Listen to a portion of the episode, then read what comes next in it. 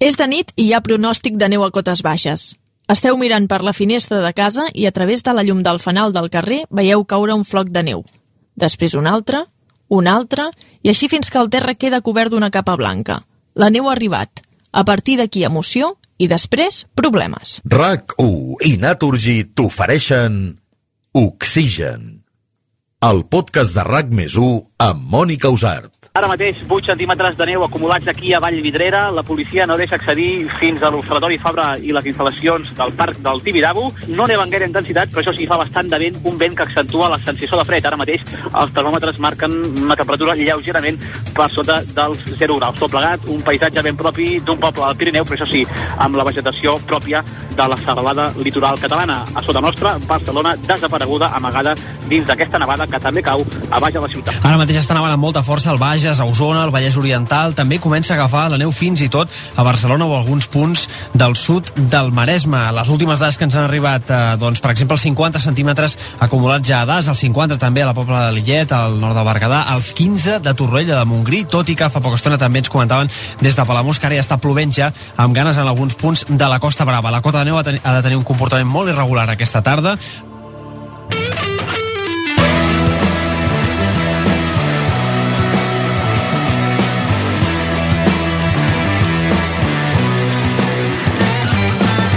Les nevades acostumen a deixar paisatges preciosos i de somni, sobretot quan deixen gruixos poc importants o quan cauen en zones del planeta habituades a aquest fenomen, però quan arriben amb molta força i sobretot a zones que hi estan poc acostumades, aleshores es poden convertir en un autèntic mal de cap. Avui parlarem de neu i ho farem amb un expert del Servei Meteorològic de Catalunya, amb una persona que ha viatjat fins al lloc del món on més neu s'acumula i repassarem les nevades històriques del país. Comencem.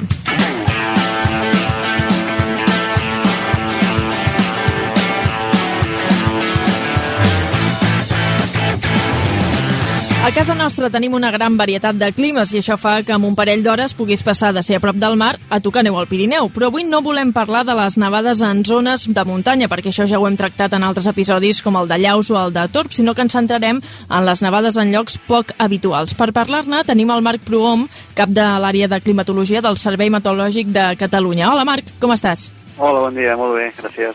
Per què és tan difícil que arribi la neu a Catalunya fora d'aquestes zones que comentàvem de muntanya?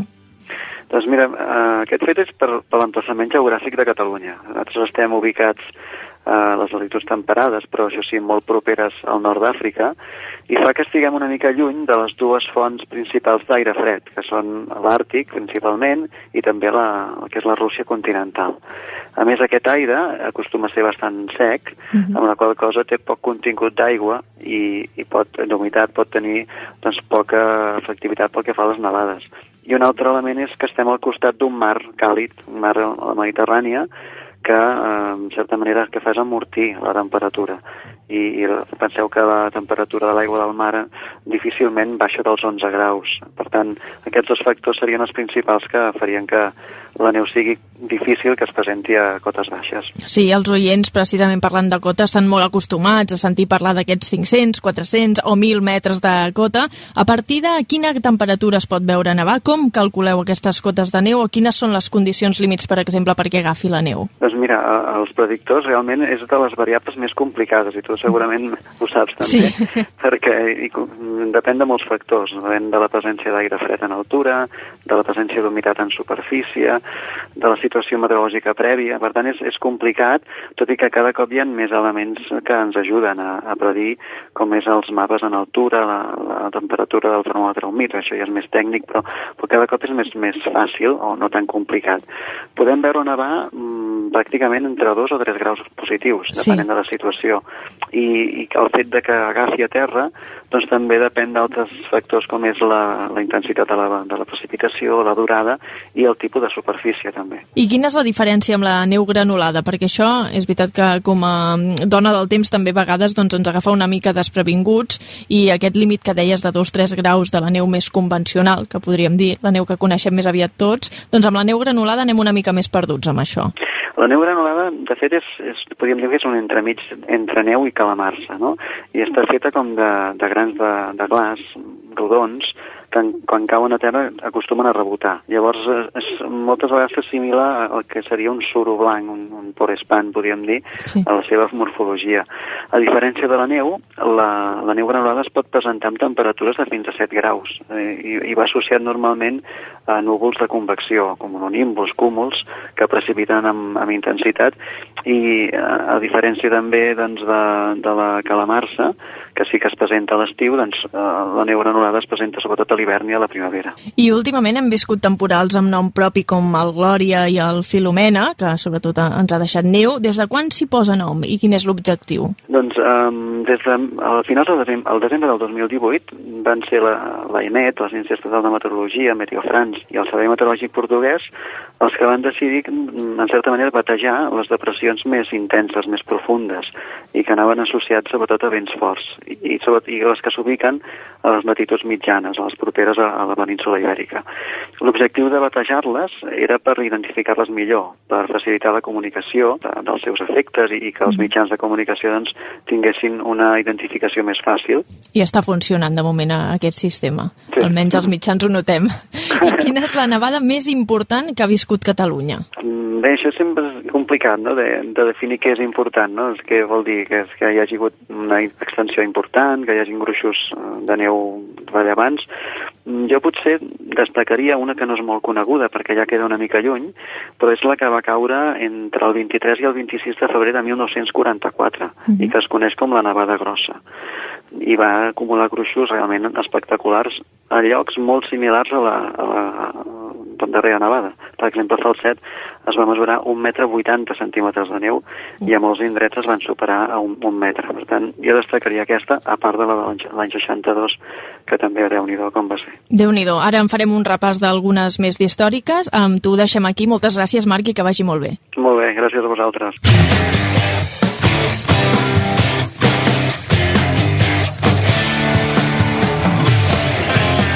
Amb el Marc hem parlat de la nevada del 1944, però ara volem fer un repàs d'altres nevades importants que ha viscut el nostre país. 25 de desembre de 1962.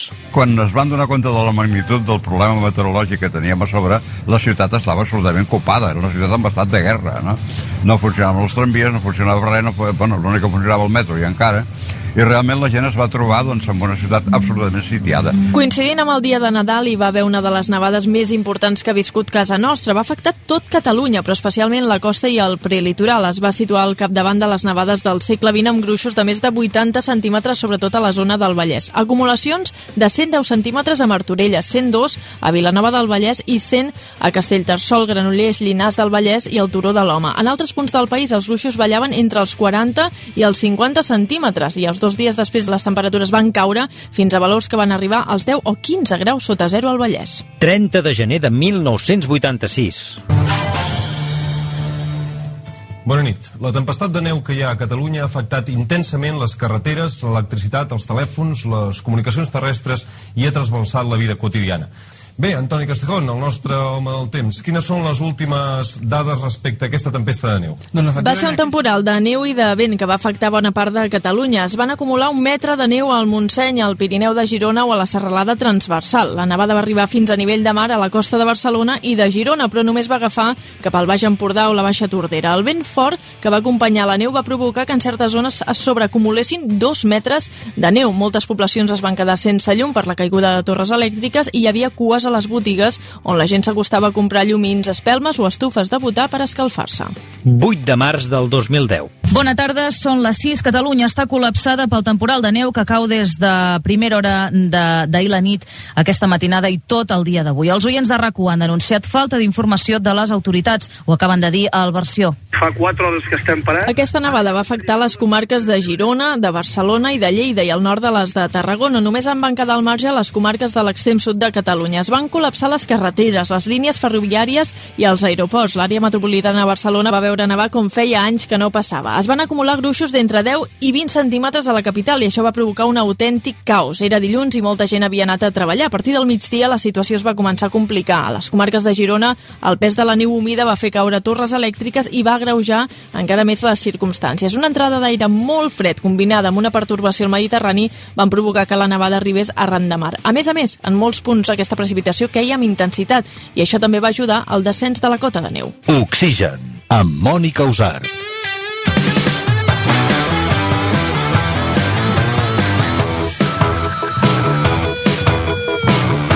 Recomanem un viatge sobretot pels amants de la neu. El destí és Sukayu Onsen, que és el lloc habitat del món on de mitjana s'acumula més neu, 17,6 metres, i hi ha zones deshabitades on el gruix encara és superior. És al Japó, al nord de l'illa de Honshu. Si voleu anar cap allà heu d'agafar un avió de Barcelona a Tòquio i de Tòquio a Aomori. I d'Aomori a Sukayu Onsen heu de fer un trajecte d'uns 80 minuts amb autobús. I encara que sembli impossible, hi podreu arribar, però travessareu una carretera amb una paret de neu a banda i banda. Les nevades més importants són entre el desembre i el març i quan s'acumula més neu és el mes de gener. Per dormir trobareu, per exemple, els ryokans, que són els allotjaments tradicionals japonesos. I a banda de roba de molt abric, agafeu també banyador, tovallola i xancletes. Hi ha la zona d'aigües termals més populars del Japó. És una zona volcànica on de seguida que hi arribeu notareu la pudor a ous podrits a causa del sofre. A l'hivern s'omple d'esquiadors i a l'estiu d'excursionistes. I precisament fins allà va anar el Xevi Capdevila. Juntament amb el meu germà som uns apassionats del surf de neu i fa un parell de Nadals vam decidir anar a Japó, concretament a la illa de Hokkaido. I quan vam arribar allà, una de les coses que ens va sorprendre més va ser que mentre es conduïem anant cap a l'estació d'esquí vam veure tot de camions que transportaven neu i parlant amb la gent d'allà ens deien que tenien tanta neu que la tiraven al mar per alliberar una mica d'espai a, a les ciutats. De tots els dies que vam estar allà va nevar cada dia i ara mateix que recordi potser un parell o tres d'horetes vam veure el sol només. Fins i tot un dia que se'ns va fer fosc a les pistes quan tornàvem cap al pàrquing on teníem aparcat el cotxe estava nevant, una nevada molt intensa i llampegava i tronava, que és una cosa que jo no, no havia vist mai.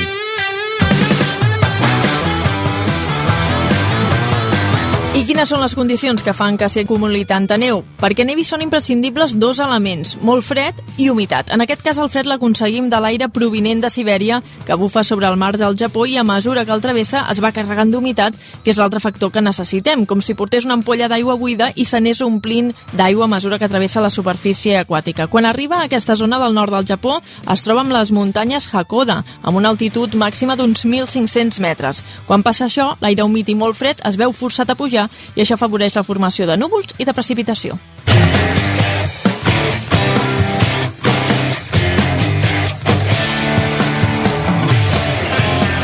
I ara volem parlar d'una curiositat lingüística. Hi ha un mite molt popular que diu que els inuits tenen més de 100 paraules per anomenar la neu. I per saber si això és veritat o no, tenim aquí a l'Anna Lárcia, companya dels serveis lingüístics de RAC1. Anna, què hi ha de cert al darrere?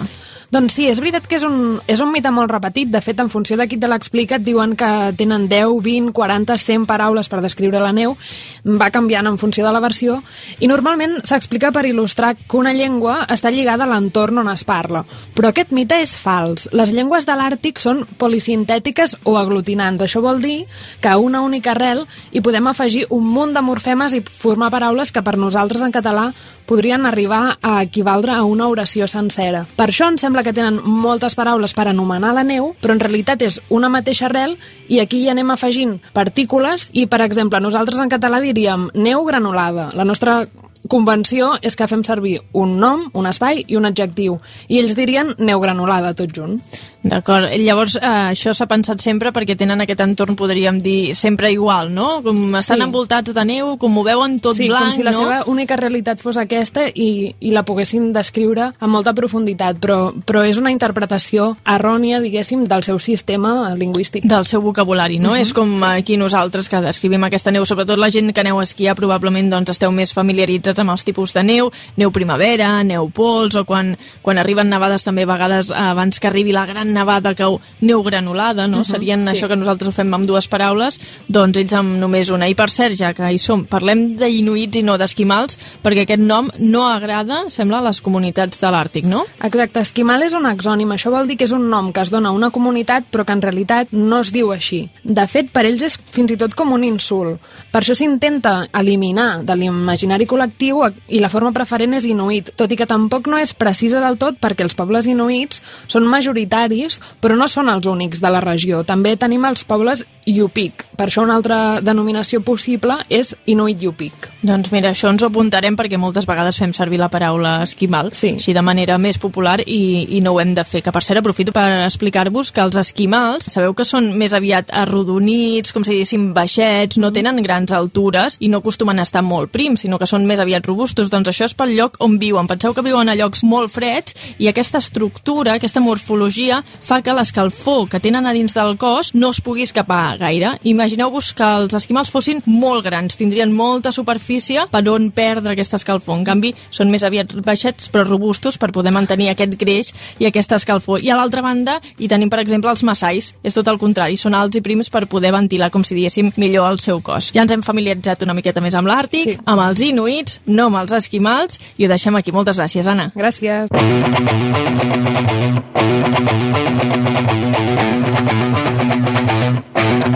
La neu és un fenomen que apareix a la pantalla i depenent de com amb diversos simbolismes o significats. Ho repassem amb el Jordi Ramoneda, guionista i company de RAC 105. Hola Jordi, com estàs? Hola, molt bé. Uh, parlem de neu i Sí. per parlar de neu i de la importància metafòrica que té aquest fenomen meteorològic hem de parlar de pel·lícules molt mítiques, molt conegudes i que tothom ha de veure. Una d'elles és Ciutadà Kane.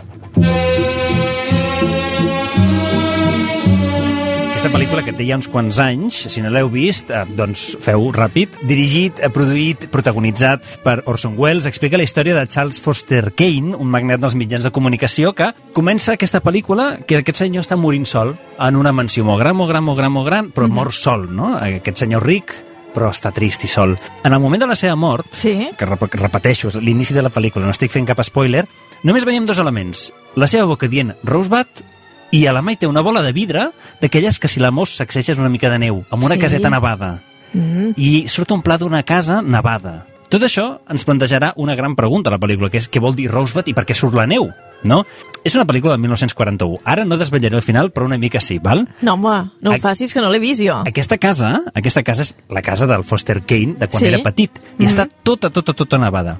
Què significa la neu en aquí? Doncs té un valor simbòlic espectacular. Als inicis de Kane, a la seva infància, Sí. quan ell jugava amb el seu trineu a la neu, tot era blanc, tot era nevat, i a la pel·lícula anirem veient com ell creix, la seva personalitat, la seva innocència, fins que amb els anys es converteix en una mala persona. És a dir, la neu no només representa la innocència, sinó també és el full en blanc de la personalitat. Entens què vull dir-te? Sí. Naixem sent un full en blanc o ens anem fent? Mira quina pregunta, quin debat moral que to- la humanitat ha tingut des de tota la vida, només apareix amb la neu a Ciutadà Kane a l'inici de la pel·lícula. Ah, doncs em sembla molt interessant. I no he dit què vol dir Rosebud. No ho diguis. No ho diré, va, no, va, no ho diré. Uh, deixem les pel·lícules i parlem d'un musical avui. Mònica. Rent. Sí, parlem de Rent. Vinga, va.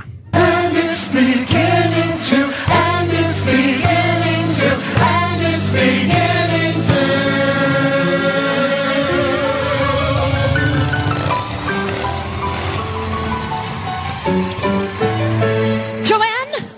way to the stage? And It's Beginning to que canten aquest eh, musical que passa a Nova York als anys 90. Uh, Nova York és una ciutat molt bonica on hi neva molt, no, Mònica? Sí, que hi neva. Tenen la gran sort d'estar a una latitud semblant a la nostra i que nevi molt més. Doncs aquí el sentit simbòlic de la neu no és tan profund, però sí que ajuda a fer una reflexió sobre aquests fenòmens meteorològics. Ren és un musical del 96 de Jonathan Larson, una òpera rock que parla de la vida d'un grup d'artistes ocupes que viuen a Manhattan. En aquest grup, que són artistes, hi passen moltes coses, però dues d'elles, les més importants, són la pobresa i la sida. Mhm. Així, així, de, així, de, Així de clar, així de clar. Persones que estan malament de salut i que viuen d'ocupes i han de cremar les seves pròpies obres d'art per escalfar-se. Sí. Aquesta cançó, que forma part del final del primer acte, es diu Christmas Bells are Ringing, sonen les campanes de Nadal. I és un cànon de totes les històries, vides complicades, que t'expliquen que Nova York és una ciutat molt bonica, però que hi neva, i que, on hi neva, gent que no té casa, ho passa molt malament. Exactament. Fins i tot els llocs més bonics del món, la neu i el fred sí. són ferotges, i més si vivies en aquells anys i amb aquells problemes. Uh, problemes que fins i tot hem vist moltes vegades aquí quan arriben onades de fred. Sí, la neu té dues cares. I acabem, si vols, amb, amb un apunt molt ràpid de la pel·lícula Fargo, on Sí. la neu forma part també de l'escenari, pel·lícula dels germans Coen que passa a Minnesota, on tot està ben nevat, la neu de la mateixa manera que ens dibuixa un llenç en blanc, que és la Terra, on els actes dels humans, que són assassinats, en aquest cas de Fargo, Sí. que, perquè els que, els que conegueu la pel·lícula, rellueixen per sobre de tot, és a dir, separant la natura dels actes humans.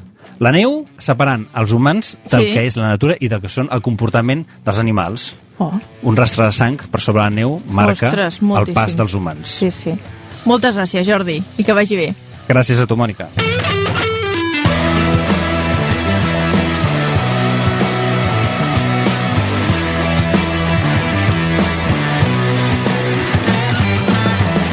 Un dels fenòmens amb què més vibrem els apassionats a la meteorologia i que més il·lusions fa pronosticar les dones i els homes del temps de Catalunya. Que nevi certes zones del país és excepcional i això ens manté enganxats als mapes dies abans i a la finestra el dia que hem predit neu a cotes baixes. Els oients ens fan de corresponsals i acaben sent una peça clau perquè la informació us arribi de la manera més actualitzada possible. Al final, tots plegats formem un equip i avui aprofitem per agrair la seva tasca.